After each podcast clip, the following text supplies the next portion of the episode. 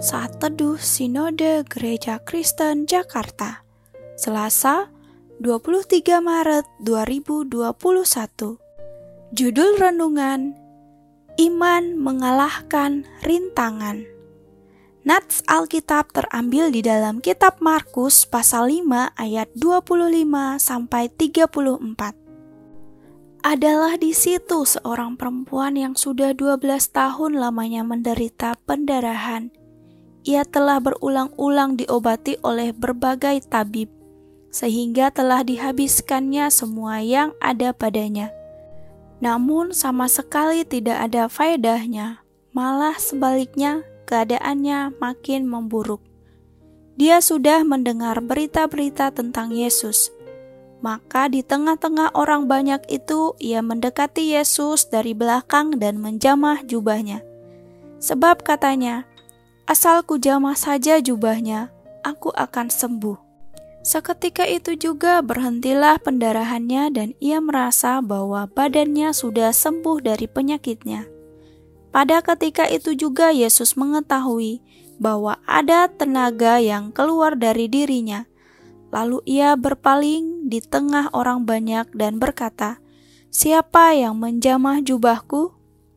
Murid-muridnya menjawab, "Engkau melihat bagaimana orang-orang ini berdesak-desakan dekatmu, dan engkau bertanya, 'Siapa yang menjamah aku?'" Lalu ia memandang sekelilingnya untuk melihat siapa yang telah melakukan hal itu. Perempuan itu yang menjadi takut dan gemetar ketika mengetahui apa yang telah terjadi atas dirinya, tampil dan tersungkur di depan Yesus dan dengan tulus memberitahukan segala sesuatu kepadanya. Maka katanya kepada perempuan itu, "Hai anakku, imanmu telah menyelamatkan engkau. Pergilah dengan selamat dan sembuhlah dari penyakitmu."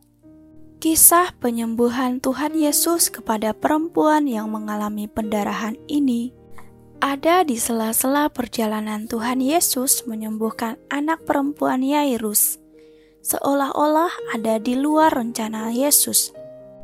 Perempuan yang sakit pendarahan selama 12 tahun ini sudah berobat ke seluruh tabib dan sudah menghabiskan banyak harta bendanya namun kesembuhan tidak kunjung datang. Malah penyakitnya semakin parah. Keadaan seperti ini bisa saja membuat seseorang depresi, putus asa, kehilangan pengharapan, dan bisa saja mendorong seseorang untuk melakukan bunuh diri. Berbeda dengan perempuan ini, ketika dia mendengar tentang Yesus, dia percaya bahwa Yesus sanggup untuk menyembuhkannya. Imannya kepada Yesus membuat dia berani menerobos masuk ke dalam kerumunan orang banyak. Secara hukum keagamaan, perempuan ini tidak boleh bersentuhan dengan siapa pun, karena orang yang disentuhnya pasti akan najis. Namun, dia berani melanggar hukum tersebut demi mendapat kesembuhan. Akhirnya, dia menjamah jubah Yesus Tuhan menyatakan kehendaknya dengan memberikan kesembuhan kepadanya. Iman perempuan ini tertuju kepada Yesus.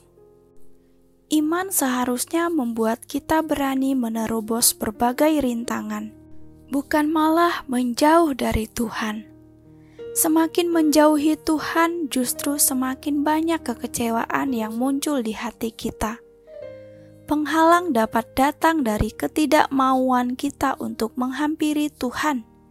Mungkin karena sikap mengasihani diri atau kekecewaan yang mendalam karena terlalu lama hidup dalam penderitaan yang tak kunjung berakhir. Sikap apatis kepada Tuhan sangat bisa merusak, bahkan menjadi racun bagi pertumbuhan iman kita. Penghalang terbesar bagi pertumbuhan iman adalah diri kita sendiri. Amin. Tuhan Yesus memberkati.